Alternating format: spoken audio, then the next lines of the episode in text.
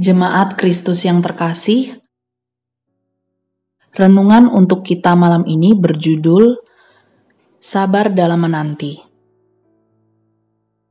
Dan bacaan kita diambil dari kitab Ibrani 10 ayat 35 sampai 39. Beginilah firman Tuhan.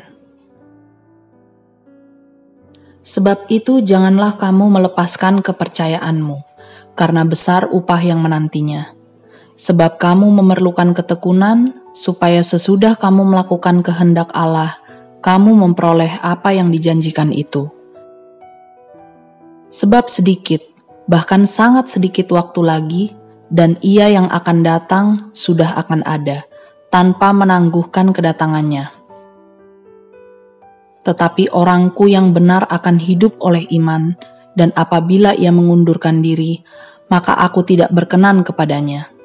Tetapi kita bukanlah orang-orang yang mengundurkan diri dan binasa, tetapi orang-orang yang percaya dan yang beroleh hidup kekal.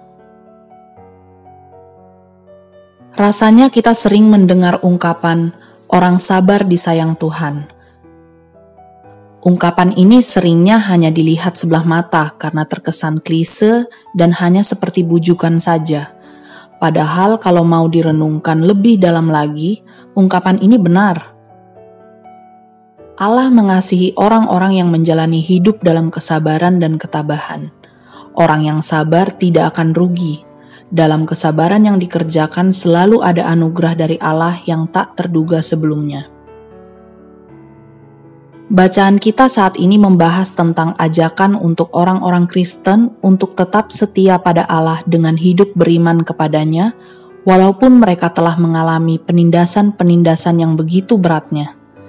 Saat mengerjakan segala sesuatunya dengan ketekunan, maka kita akan beroleh janji yang sudah Tuhan katakan kepada kita.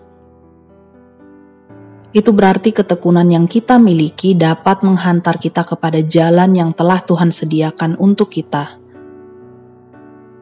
Lalu, apa yang kita nantikan dalam kesabaran dan ketekunan itu? Yaitu janji Allah bahwa kita akan hidup bersama dengan Allah dan mengalami pemulihan. Pemulihan yang dimaksud tak hanya berbicara tentang dilepaskan dari segala penderitaan, lebih dari itu, kita hidup kekal bersama dengan Allah. Hambatan dalam melakukan itu semua adalah satu, yaitu waktu yang tidak bisa kita tentukan. Bahkan untuk diprediksikan saja adalah hal yang mustahil.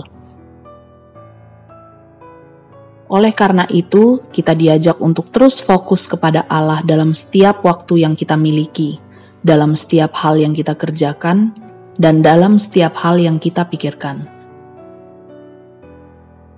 Waktu Tuhan tak akan mungkin kita selami. Oleh karena itu, dibutuhkan kesabaran dan tahan uji dalam segala peristiwa yang kita alami, dan percayalah, itu tak pernah sia-sia. Demikianlah renungan malam ini.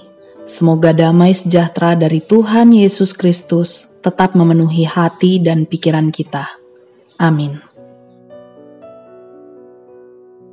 Jemaat yang terkasih, mari kita bersatu hati menaikkan pokok-pokok doa yang ada dalam gerakan doa 21 GKI Sarwa Indah.